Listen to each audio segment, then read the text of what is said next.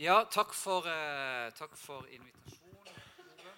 Eh, jeg har også gleda meg og eh, Jeg har både gleda meg og eh, kjenner at eh, jeg er ganske sånn ydmyk å komme her og skulle si det som jeg skal si noe om. Eh, fordi at det jeg skal dele, det er, det er det er noe som ligger dypt her nede. Ting som jeg, har, eh, som jeg opplever sjøl at jeg har jobba mye med, egentlig. Eh, Spørsmål. Og så, og så kommer jeg til å dele det på en måte som kommer til å være litt sånn eh, eh, Kanskje litt sånn ytterkanten. Eh, jeg vet ikke. For å få fram et poeng. Så, så eh, Som kanskje kan være litt ut... Jeg vet ikke. Men, men vi er jo jeg har jo den tanken ikke sant, at, at, at vi skal være vitne om det vi har sett og hørt. Uh, og jeg ble frelst i 93. Uh, og opplevde ganske fort at uh, eh, at det lå noe på hjertet mitt som, eh, som handler om et kall. Eh, og jeg begynte ja, Det er en lang historie, jeg kan ikke ta hele den. Men, men, eh, eh, men i hvert fall så, så førte det til at jeg skifta helt eh, helt eh, er det, Skal det være sånn? Det er tøft, det. Greit for meg. Pleier dere å ha det sånn? Ja? Ja, ja. ja, ja, ja. Syns du det gikk for seint allerede? Uh, nei, så, så kjente jeg at det var et sånt kall som gjorde at jeg skifta helt uh, fra å være i byggebransjen til å så, eh, så kom jeg inn i Nordmisjonen. Og det var egentlig tilfeldig. Gudfell. Jeg hadde aldri hørt om Nordmisjonen. Har ikke noe forhold til har liksom ikke hatt noe sånn forhold til kirka opp igjennom. Så, så Nordvisjonen var liksom helt sånn fremmed. Bedehusland var helt fremmed. Det var der, det var der Gud åpna en dør. da. Og det, som, det spørsmålet som egentlig har eh, vært brennende for meg fra ganske tidlig av, etter jeg ble kristen, det var spørsmålet om hva betyr det å følge Jesus? Hva, og hva er en menighet? For det var jo det jeg begynte å jobbe i. Eh, Jeg begynte å jobbe i en menighet i, i Vennesla først. Vært der i mange år. Jeg har vært her i 13-19 eh, for mange år siden. I 2004-2005, et eller annet sånt. Ganske lenge. Eh, sammen med Otto eh, og en fin gjeng der. Eh, men det spørsmålet der, det var sånn eh, det, det, det ble utrolig viktig for meg. Altså, Hva er en menighet? Det kom til kort sagt. da, Det var jo at menigheten er Jesu legeme, som Paulus prater om. Og det er jo en dyp sannhet. Altså, Vi er hans sin kropp. Eh, I teologiens verden så, så, så sier han jo det at menigheten er Guds frelsesverk nå. altså Frelsesverktøy, ikke verk. Frelsesverktøy. Eh, fordi vi er hans sin kropp. Og hvis en skal tenke det helt gjennom, så er vi hans sin kropp rent sånn fysisk. Inkarnasjonen fortsetter gjennom oss som er hans sin menighet. Det er en dramatisk greie. Så det er heavy å være menighet. Eh, og folk blir frelst ikke fordi de møter, de møter Jesus, men de møter Jesus gjennom menigheten. Og Det betyr jo altså at det å følge Jesus det betyr at vi er han, at vi skal gjøre det samme som Jesus gjorde. Så da, For meg så har det vært sånn derre hva, hva var det Jesus gjorde? Og hvis, Jesus, hvis vi finner ut av hva, hvordan levde han, hva gjorde han, så må jo vi gjøre det samme, for vi er jo hans kropp. Det er jo det, liksom, hvordan, hvordan skal vi følge Jesus? Det er jo ganske abstrakt, dette her, med å følge Jesus, følge en vi ikke ser. Men vi kan jo se han i Skriften, eh, og vi kan se han mellom oss. Så vi skal gjøre det samme som Jesus gjorde og fremdeles gjør. Gjennom. Vi er hans kropp. Det er heavy eh, å ta inn over seg. Ikke? Dere har sikkert hørt det hundre ganger. Men liksom, hvis vi begynner å tenke det, vi er hans lemmer og disse tingene her. Vi er, hans vi er inkarnasjonen videre. Dere er i Mandal. Jeg er nå på Iveland og Evje. Nei, ikke Evje, men i Vennesla. Jobber i Mulighetens hus, ikke Håpets hus. Men det var fint, det òg. Det kunne hett Håpets hus. Men det er jo noe av det samme. Eh, derfor så, så er det det jeg skal dele noe om. Min overbevisning om hva er vårt kall som menighet. Og dette er min overbevisning, og dere må sjekke sjøl. Eh, og finne ut stemmer det eller stemmer det ikke. Men dette er min overbevisning, som jeg har kommet til etter å ha både vært og, vært og reist litt rundt i verden og fått kikke inn i andre menigheter gått barneskapsskolen, studert teologi, lest Bibelen, reflektert over disse tingene, så er dette, det er dette jeg kommer til. Eh, det kan godt, jeg tror ikke jeg kommer til å endre det, men det er dette jeg har kommet, kommer til at, at er min, altså, som er min overbevisning. Og Det starter jo, det er jo noen bibelvers der som en må ha henge opp. ikke sant? Fariseeren kommer og spør, leser med Lukas 10, Matteus 22. Hva er det egentlig vi skal holde på med? Eh, og så sier Jesus jo, jeg skal holde på egentlig med tre ting. Du skal elske Gud, hele ditt hjerte, all din sjel og all din forstand. Men et annet bud er like stort. Du skal elske din neste som deg sjøl. Trekanten, som dere sikkert, jeg vet ikke om dere har brukt den her. Opp inn ut. Det er disse tre relasjonene. Det er relasjoner det handler om. Eh, det å være meningsfull. Elske Gud, elske din neste som deg sjøl. Det må være en balanse i dette. Ikke bare det ene, ikke bare det andre. Men dette er noe av det som, som liksom, ok, Det må handle noe om altså det handler om relasjoner, da. Og så handler det om å elske. Og så Hva ligger i det, da? Å elske Gud. Hva ligger i det å elske sin neste? Hva ligger i det å elske seg sjøl? Som vi er kalt til å gjøre. Ehm, men så har en jo sett så Når en da leser Bibelen eh, og prøver å se seg inn i fortellingene, se seg inn i Jesus sitt liv og Det kan en gjøre gjennom å lese Skriften, gjennom å be og meditere, se på Chosen, se andre sånne, sånne Jesus-filmer og sånt. Så For meg så danner det seg et bilde. Hvordan var han, og hvem, eh, hvem fulgte han? Hvem var rundt han? Og Når jeg leser Bibelen, så kommer jeg til det at de som fulgte han, var jo mennesker, veldig forskjellige mennesker. Eh, det var liksom ikke bare én type mennesker. Men det er helt klart i hvert fall Når jeg leser Bibelen, så er det helt klart at jeg danner meg et bilde at de som trengte seg på han, de som var mest ivrige etter å følge han, det var de, også de som hadde minst. De som trengte han mest. Det var de fattige, det var de syke, det var de utslåtte, det var de marginaliserte i samfunnet. Det var de som ikke nødvendigvis hadde høye posisjoner. Men det var ikke bare det.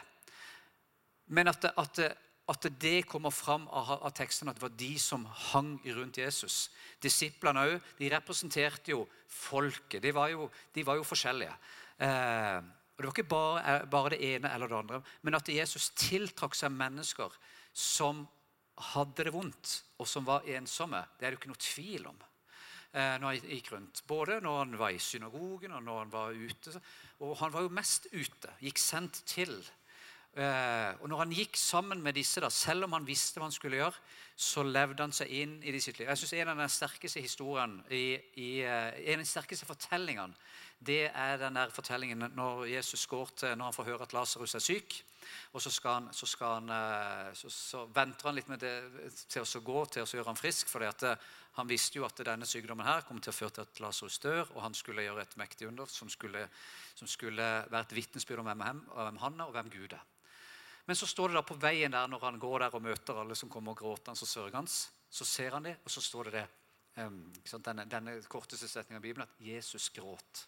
Selv om han visste hva han ville gjøre, så, så hadde han medlidenhet, empati med folket og identifiserte seg med dem og så sorgen. Og jeg tror de tårene der de eh, ser, de, de, de, det gjør han i dag også. Han gråter over alle som har det vondt, eh, som sørger. Eh, det gjorde han da, og det gjorde han nå. Selv om han visste at han skulle reise ham opp. Han kunne jo sagt at Slapp av, slapp av, ikke sørg. Eh, jeg blir med, og så bare reiser han opp, og så er det bare eh, glory, glory. Men, eh, og det gjorde han jo. Men før, før, det så identifiserte han seg, og så gikk han inn i menneskers sorg. Det tenker jeg, det er også vår utfordring. Å gå inn i andre menneskers sorg som menighet. De som lider, de som har det vondt, de som er alene. De som sørger, og det er det mange av. Og det er det helt sikkert mange av i Mandal også, vil jeg tro. Eh, som en ikke ser, eh, men som sørger, som er alene, som har det vondt, som er ensomme. Som er deprimerte. Og Jesus identifiserer seg, og, han, og det må vi også gjøre. I, det å følge han. Og det er en stor utfordring, for det er sårbart. Eh, og det koster noe. Ikke bare lytte, men det er også, og ikke bare vise empati, men virkelig gråte med de som gråter. Det koster fryktelig mye, og det er ubehagelig. Og det tapper oss for krefter. Så jeg ser, Når jeg ser Jesus sitt liv, så ser jeg en, en, en frelser som, som, identifiserer seg, og som strekker hånda ut, og som, som tiltrekker mennesker som, som, ellers ville kanskje blitt utstøtt fra andre plasser. Og En som skaper konflikt, og en som, er tydelig, eh, som, også står opp for det som er, eh, som er rett. Så vet vi jo at etter Jesus, etter han har stått opp fra de døde, etter pinsa, så blir den første menigheten født. Og det er jo klart at Alltid når han snakker om, den, om, om hva er en menighet, så må han tilbake til den første menighet. For det er jo klart, det er jo arkmenigheten. Eh, det er jo Den hellige ånds verk gjennom disiplene som skjer der. Det var jo ingen av disse som hadde gått på Ansgar og gått, hatt masse studiepoeng i, eller gått på MF. Dette var Den hellige ånds verk i de som, som, jo, som fødte fram den første menigheten. Eh, som var helt naturlig for dem. Dette har dere sikkert hørt mange ganger, dette har dere sikkert lest mange ganger, men vi leser det igjen. Eh, det står i Apostelens gjerninger 2, 42. De holdt seg trofast til apostlenes lære og fellesskapet, til brødsbrytelsen og bønnene. Og hver og en ble grepet av ærefrykt, og mange under og tegn ble gjort ved apostlene. Alle de troende holdt sammen og hadde alt felles. De solgte eiendommene sine og det de ellers eide, og delte ut, delte ut til alle etter hver, eh, ettersom hver enkelt trengte det. Og Hver dag så holdt de trofast sammen på tempelplassen, og i hjemmene brøt de brødet. De spiste med oppriktig og hjertelig glede. De sang og lovpriste Gud og var godt likt av hele folket. Og hver dag la Herren til, eh, Herren til nye som lot seg frelse. Det er jo den teksten der, den har dere sikkert brukt her, øh, og den kan jo trekke mye ut ifra. Det har jo, folk, det har jo Kirka gjort til alle tider. Og så har han gjerne da fokusert på, på undertegn, f.eks., eller frelsen. Eller, ikke sant? Og jeg tenker Det at det er rett og bra, og det må vi gjøre, men vi må se på liksom som helheten av dette. Hva, hva, er det som skjer i den første menigheten? For det var sånn den første menigheten begynte. og det, Da tenker jeg at Her er det en modell som vi alltid må tenke at det er idealet for en menighet de fortsetter å gjøre det som Jesus gjorde. De er hans kropp som bare fortsetter, som blir større. Så vet vi jo fra, fra eh, den første tida eh, at de var i Jerusalem. Vi vet at ikke sant, Pinsedag, 3000 frelst osv. vokste. I husene, i hjemmene, så møttes de. Og så vet vi jo det at ved, eh, ved Stefanus så begynte forfølgelsen og vekkelsen. De to tingene der de hang alltid sammen. At Da begynte det å spre seg, for da måtte de spre seg pga. forfølgelse. Så spredde det, Og så spredde evangeliet seg i hele uh, området der. Og Det spredde seg gjennom husfellesskap, hvor de kom sammen, og så delte de alt det. De la det foran. Det er, en, det er jo en heavy tanke for oss. Uh, så, så når, vi leser, når, vi leser, om denne menigheten, så tenker jeg alltid at vi må holde opp vår menighet. Hall, Nordmisjon Hall. Nordmisjon Hall, første menigheten, er det en avstand, eller er det, er det, eller er det kopi? Eh, er det sånn det funker her også? At en kommer sammen, og en deler alt? Kanskje der det skjærer seg litt. Eh, vi deler i hvert fall litt tid, og vi deler litt liv og osv. Eh, jeg, jeg, jeg tenker i hvert fall at skal vi være ærlige, så er i hvert fall de menighetene som, som jeg har kjenner godt til, det er en viss avstand mellom den første menigheten og kraften i den første menigheten og kraften i den, de menighetene som jeg kjenner til. Eh, og de som jeg har vært i rundt omkring ikke bare i Norge, men andre plasser også. Eh, det har skjedd noe på veien her eh, som jeg tror gjør at vi har mista noe ganske sentrale ting. Og det er det som jeg har noen tanker om hva det kan være. da. Eh, men vi vet jo at, at den første og det vet vi fra kirkehistorien at dette spredde seg. Og De første 150, første 200 årene så spredde evangeliet seg hurtig. Og det tiltrakk mennesker men folk var også, det var også noe frykt forbundet med det, for Gud var til stede og gjorde mektige ting blant dem. Så det hadde en sånn dobbel effekt at det både tiltrakk, og folk frykta det. Men lot seg, lot seg fange. Det var noe identisk her. Det var noe levende her. som var det. Men så skjer jo etter mitt syn ulykker hvor, eh, hvor, eh, statsapparatet ser at ok, her er det jo, er det jo hvis, hvis, vi kobler på hvis vi kobler på menigheten, den kristne tro, vi må ta den på alvor, de som tilhører veien, som de kalte det da. Det er en reell maktfaktor i samfunnet. Vi må ha det på vår side. Og så skjedde jo det som jeg tenker er egentlig dramatisk, som, eh, som ofte blir kalt sånn den mørke tida i kirkehistorien. Det at en inngikk partnerskap med staten, hvor da politikk og religion ble blanda sammen som et maktmiddel. Og da kirka vokste fram. Eh, og husfellesskapet ble bytta ut med katedralen. Eh, fjesfellesskapet ble bytta ut med nakkefellesskapet. Eh, det at delte alt, at alle delte, ble bytta ut mot at det geistlige overtok embetet osv., og, så videre, og folk ble umyndiggjort. Det er sånn jeg ser historien. Veldig kort. veldig kort, veldig spisst sagt. Her er det nyanser, selvfølgelig. Men jeg tror det er noe av det store. Det der at det flytta fra hus til katedral. Eh, og så skjedde det noe. Fra det enkle til det pompøse. Eh, fra det, det, som var smått, vi bare møttes rundt noe, til at det ble noe veldig geistlige greier rundt det. Som bare noen få kunne røre. Og resten kunne ikke røre, for de var ikke innvidd. De hadde ikke embete osv. Så, videre, og så, videre. så hadde vi denne her utviklinga her.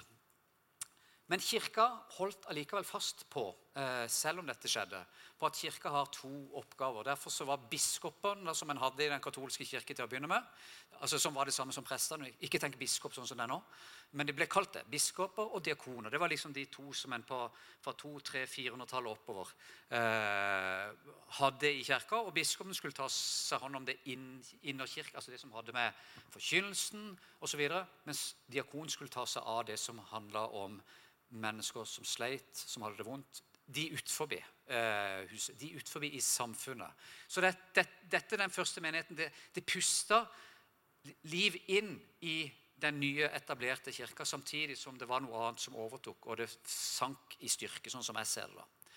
Og så går jo da, eh, så går jo da eh, Og så er jo ikke dette hele bildet, men dere hører igjen. Dette er, dette er i hvert fall sånn som Når jeg leser kirkehistorien, så tenker jeg at dette er de store linjene, sånn som jeg leser det. Eh, så er det mye nyanser her, selvfølgelig. Eh, men så går tida, og så er det en kar, en tøffing i Tyskland som heter Luther, som, som, som leser Bibelen og ser at dette her er jo galt. At, da var det jo dette at det var kun presteskapet som kunne få lov til å, til å forkynne. Folk ellers kunne ikke lese Bibelen. Og så kjenner dere historien om Luther, at han åpner Skriften for folk. Han var en tøffing. Ofte ble jo Luther eh, i mange settinger sett på som en sånn tørrpinne. Det er jo helt galt, tenker jeg. Luther var en ordentlig tøffing eh, som, som, som, eh, som ofra, som turde, og som gikk imot makt og myndighet og, og de geistlige og sa at nei, Guds ord er for alle mennesker. Så Det var reformasjonen rundt 1500-tallet i kirkehistorien. Utrolig viktig. Og Der skjedde det noe som gjorde at eh, kirka begynte å vokse i andre retninger enn det hadde gjort før.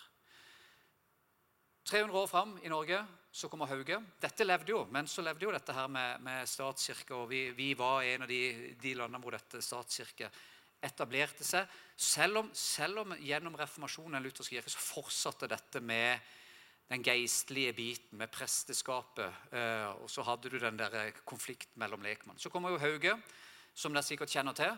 Eh, som også begynner, Han var jo en entreprenør og en forkynner. Eh, han starta bedrifter, og han, eh, og, og han, la inn det kristne tankegodset i bedriftene, verdier inn der, som gjorde at de både jobba og eh, ut ifra sine evner, en sånn nådegavetenkning, også som han representerte, da, som han førte inn disse, rundt disse gårdene, ei vannmølle som han fant, osv. Det var ikke noe som pensjonerte seg. Det er jo ingen haugianere som er pensjonerte. Uh, for det fins ikke. For de tenker det, vi, Dette med arbeid det er en gave fra Gud. Så, så det, det, med pensjon har jeg vært borti noen av disse haugianerne. De tenker det, det fins. Altså det, det, å tenke at en skal slutte med å jobbe vi, vi er jo skapt til å forvalte. Uh, men vi skal redusere når vi blir eldre. Men det er noe helt annet. Hauge, Hauge Men Hauge han han gjorde jo noe viktig i Norge. Og ikke bare Hauge, men ikke sant, så har vi Barrat. Det skjedde noe på 1800-tallet som gjorde at kirka plutselig fikk mange greier. Hvis du ser kirketreet, som hadde vært én stamme med den katolske, ortodokse og den koptiske etter hvert, eller fra 200-tallet den koptiske, så spredde det seg voldsomt fra 1800-tallet. Pinsebevegelse osv. Og, dette har jo bare fortsatt å spre seg, og det sprer, det sprer seg ennå. Eh, og så kan jo si noe veldig negativt om det, at det er mye splittelse. Ja, det er det, men det er også mye positivt i det. Evangeliet sprer seg ut og når forskjellige mennesker på forskjellige måter. da. Andre kirkesamfunn øh, blir født, noe som jo da selvfølgelig utfordra sånn som i Norge. Og det gjør det fremdeles, og det har dere òg merka, for det merka jeg når jeg var i Mandal. At dette utfordrer dette Skrudde du av nå? Har jeg begynte å prate om dette? Det er greit, jeg skal ikke prate om det. da. Uh, ja, hører dere meg? Hva sier du? Ja. Men det er ikke sikkert jeg trenger det. He?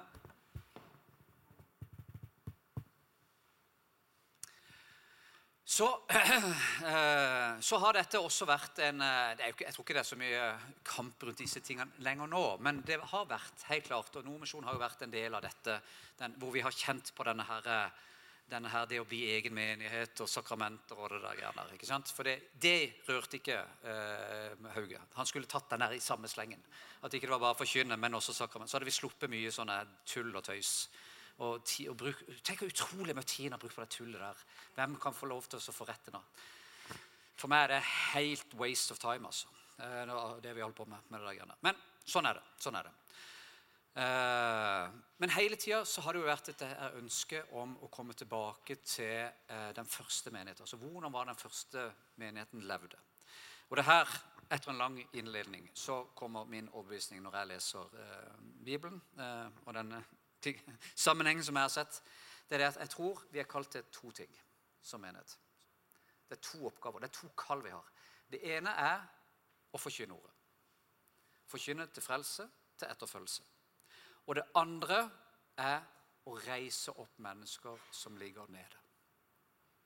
Det er overbevist om. Det er jeg blitt overbevist. Det er det som er vårt kall. De to tingene der er vårt kall inn til Jesus, ut til mennesker. Og Når jeg snakker om å reise opp mennesker, så snakker jeg ikke om bistand. Jeg snakker om en langt høyere standard enn bistand. For bistand er at vi rike gir dere fattige noe. Men eh, det tror jeg vi har kalt det, det er å sørge for at rettferdighet skjer. Og rettferdighet handler om likhet og likeverd. Men jeg er overbevist om at det er de to tingene vi er kalt til å gjøre. Forkynne frelse og reise opp de som, som er utenfor som har falt, som er utenfor samfunnet. Utenfor. De fattige, de nødlidende, de marginaliserte. Det er vi kalt det. Gjorde Jesus. Og vi er hans kropp. Det er også at det er vårt kall. At vi også skal gjøre det. Frelsesarmeen eh, syns jeg har et vanvittig bra slogan. Uh, vet ikke om dere kan det? Vi har tre ord. Suppe, såpe, frelse. Suppe, såpe, frelse. Det, de har en sånn gjennomgående tanke om at vår oppgave er suppe, såpe, frelse. Ja, det er frelse, det er å forkynne ordet, men det er også suppe og såpe. Såpe handler jo om å være, suppe, både suppe og såpe handler jo om å være med og reise opp mennesker. Vaske mennesker, reise opp mennesker, gi dem det de trenger. Eh, hvis en kan bruke de tre ordene og se på hvordan i hvert fall de menighetene som jeg kjenner til, så ser jeg det at vi holdt fast ved det ene, og så forsømmer vi det andre. Vi holder fast ved frelse. Vi har møter. Vi organiserer menigheten rundt møter, rundt cellegrupper. Vi deler tro. Og det er sant, og det er godt, og det er riktig. Men jeg mener at vi har svikter når det kommer til suppe og såpe. Vi gjør det litt. Jeg vet ikke hvordan dere gjør det i Hall. Jeg har ikke sett så mange menigheter hvor jeg opplever at det, her gjør en det Altså Her gjør en begge deler like mye. Her er dette like mye framme. Suppe og såpe. Eh.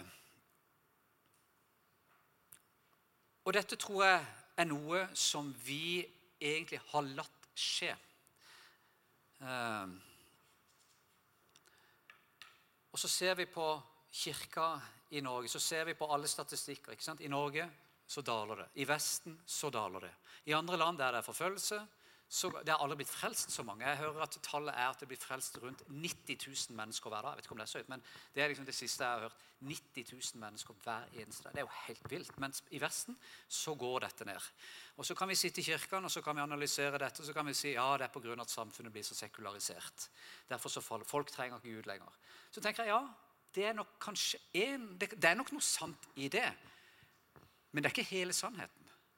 For da, Hvis vi sier det, så gir vi på en måte bare skylda ja, det er samfunnet som går den veien. Folk er ikke interessert i Gud lenger.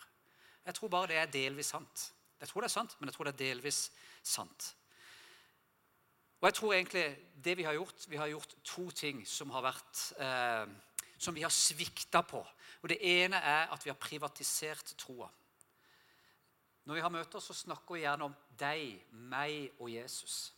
Mens i Bibelen, når jeg leser Bibelen, så synes jeg det, og når jeg leser Paulus sine brever, så syns jeg han ofte bruker ord som 'dere' og 'vi'.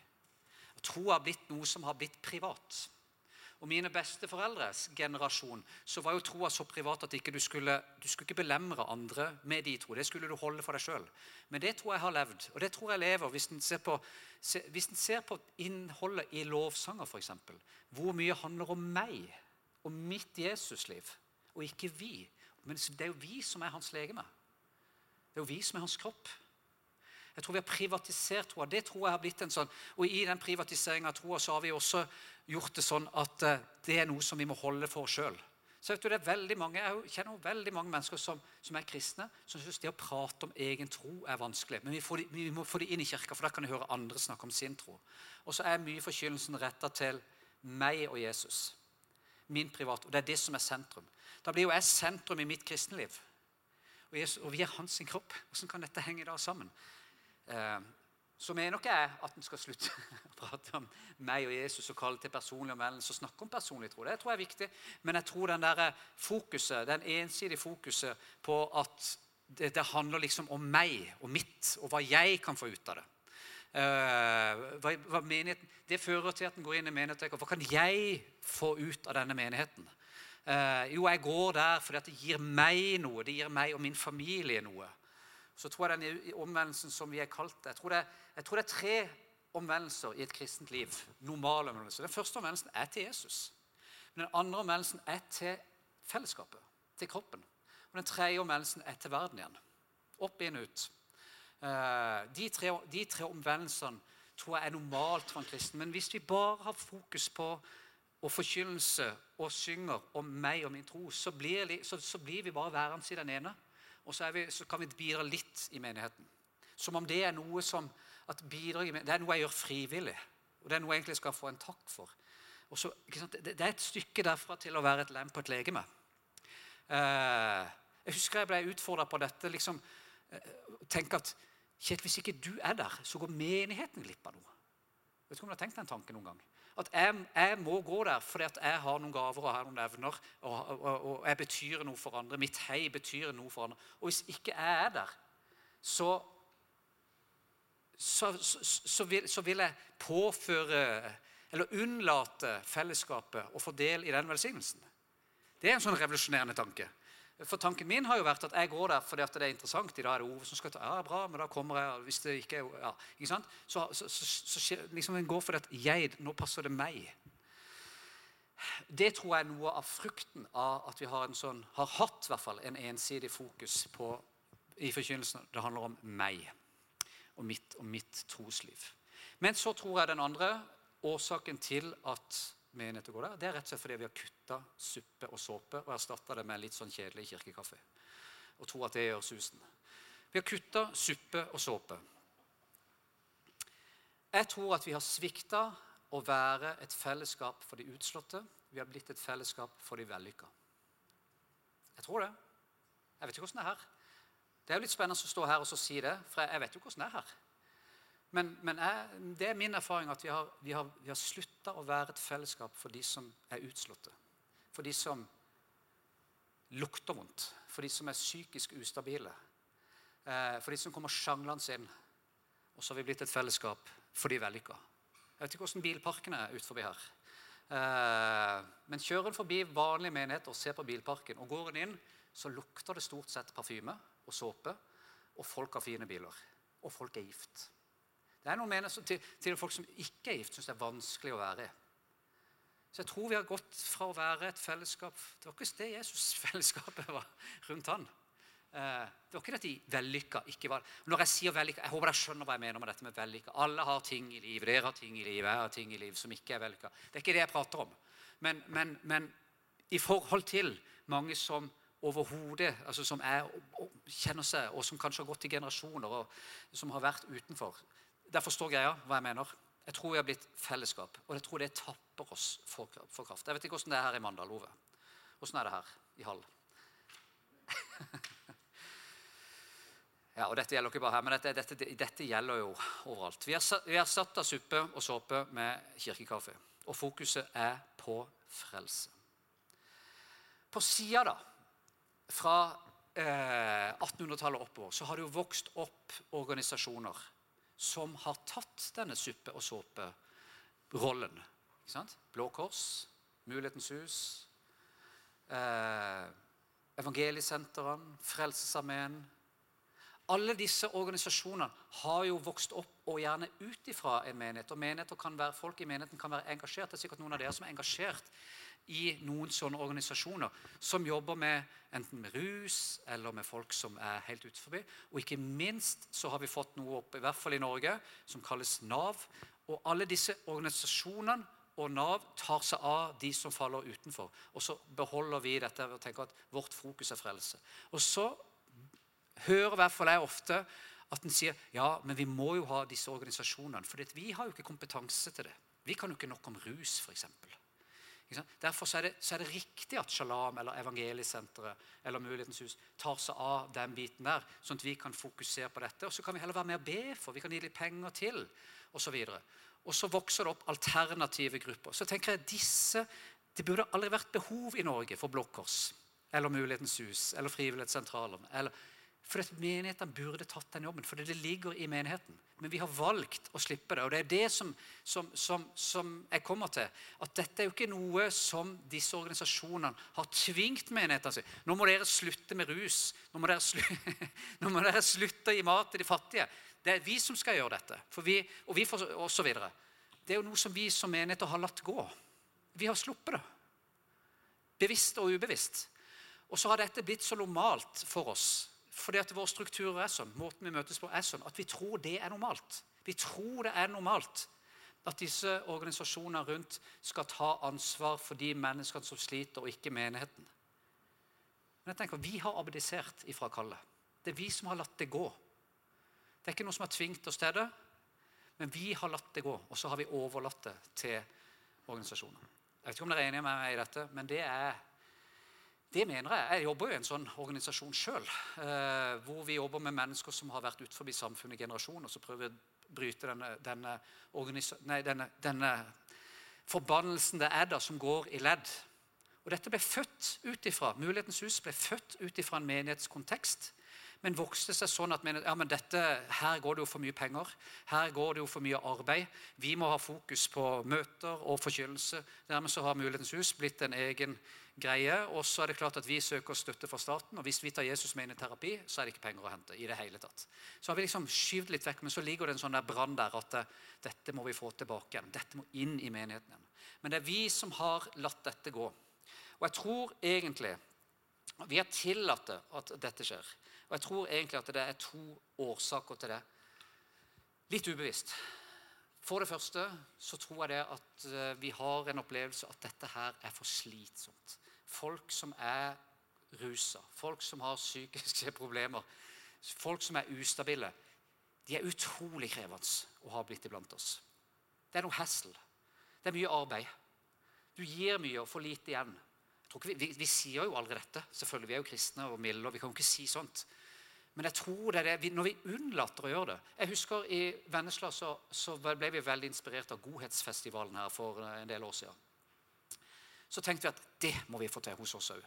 Så mobiliserte vi eh, og kjørte på og hadde ei uke hvor vi, hvor vi, hvor nesten, vi produserte halvannet årsverk jeg tror Det var rundt 3000 timer i, sånn i, frivillighet hvor vi var i hager til folk, vi var inne hos folk, og plutselig så kom vi inn i hjem i Vennesla som vi ikke visste eksisterte. Vi hadde aldri sett, for fattigdom er jo skjult i Norge. Uh, vi ser det ikke, men det er der. Vi vet det er der, for alle, alle, alle statistikker sier Plutselig så kom vi inn i disse hjemmene som lukta urin, som var, hvor forhenget var foran, hvor folk var bleike fordi de ikke hadde vært ute, uh, osv. Så, så kom vi inn i disse hjemmene, og det var et sjokk. Og så samles vi etterpå. Etter den uka så hadde vi en sånn, sånn, en, en, en sånn Så kjente alle på at nå har vi vært i kontakt med folk som har bodd i Vennesla, som vi aldri har sett før. Nå har vi, i, nå har vi bygga den første relasjonen. Hva gjør vi nå? Tar vi dette videre? Og så valgte vi å ikke gjøre noen ting. Det bare kokte vekk i kålen. Og et halvt år etterpå så var det en erfaring. Men det, for mange av oss så satt, så satt vi igjen med en sånn flau følelse at Svarte, eller hva er det? Hva er det? Dette, her var det moden frukt. Her var det folk som hadde, som ikke nødvendig, Vi skjønte jo at mange av de hjemmene vi kom inn i, vi kom ikke inn der fordi at eh, de var så opptatt av å få vaska dette badet. Men de kom jo, vi kom jo inn der fordi at det de, de, først og fremst ønska, det var jo noen å snakke med. Noen relasjoner. Og så greide vi å bygge noen broer, og så fulgte vi ikke opp. For oss, for meg så, ble, så satt det seg liksom ned i at hva er det vi holder på med for noe? Så gikk, liksom, så gikk det et halvt år, så var vi tilbake i det samme. Så brukte vi all energi, all tid, på å ha grupper, på å ha møter, på å ha møter, på å ha forkynnelse. Og det er bra, det.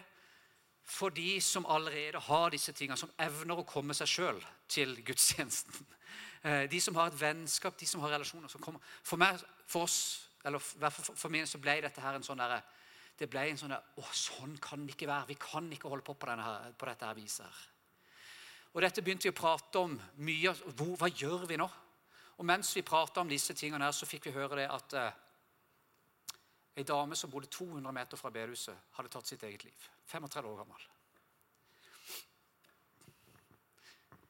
Um,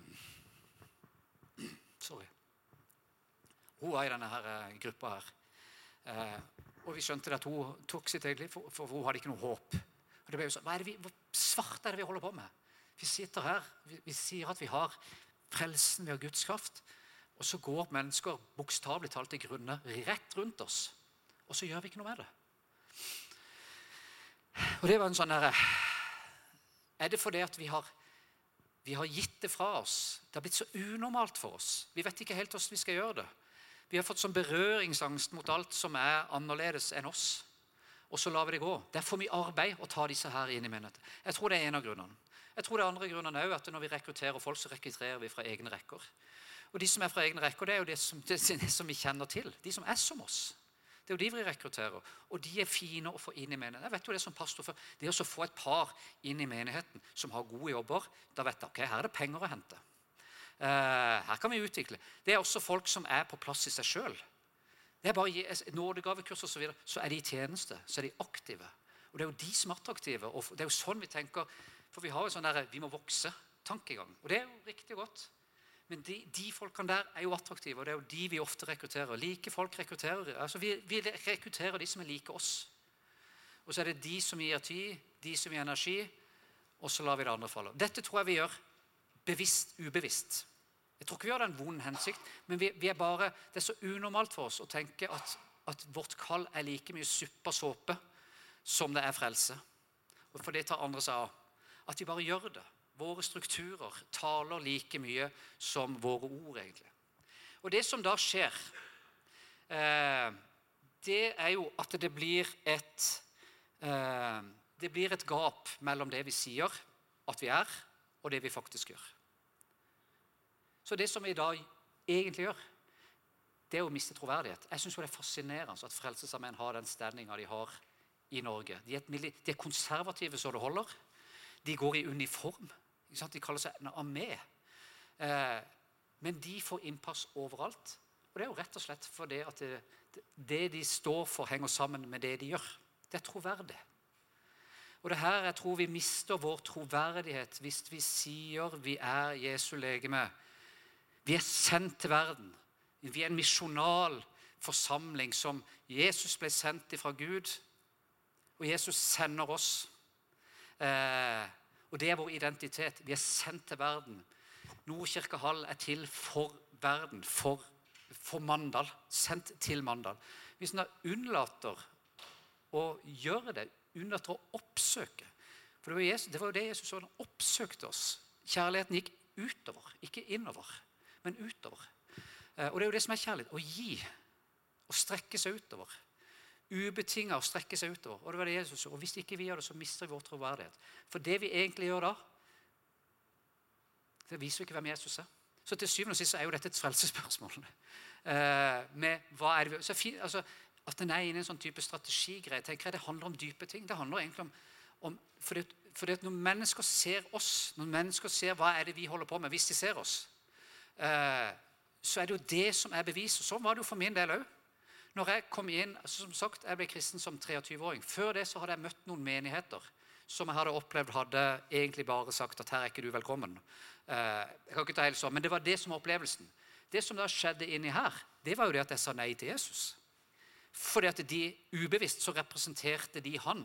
Og når de skjøv seg fra, så tenkte jeg ja, men da er ikke Gud interessert i meg. Det var jo det som ble den der logiske.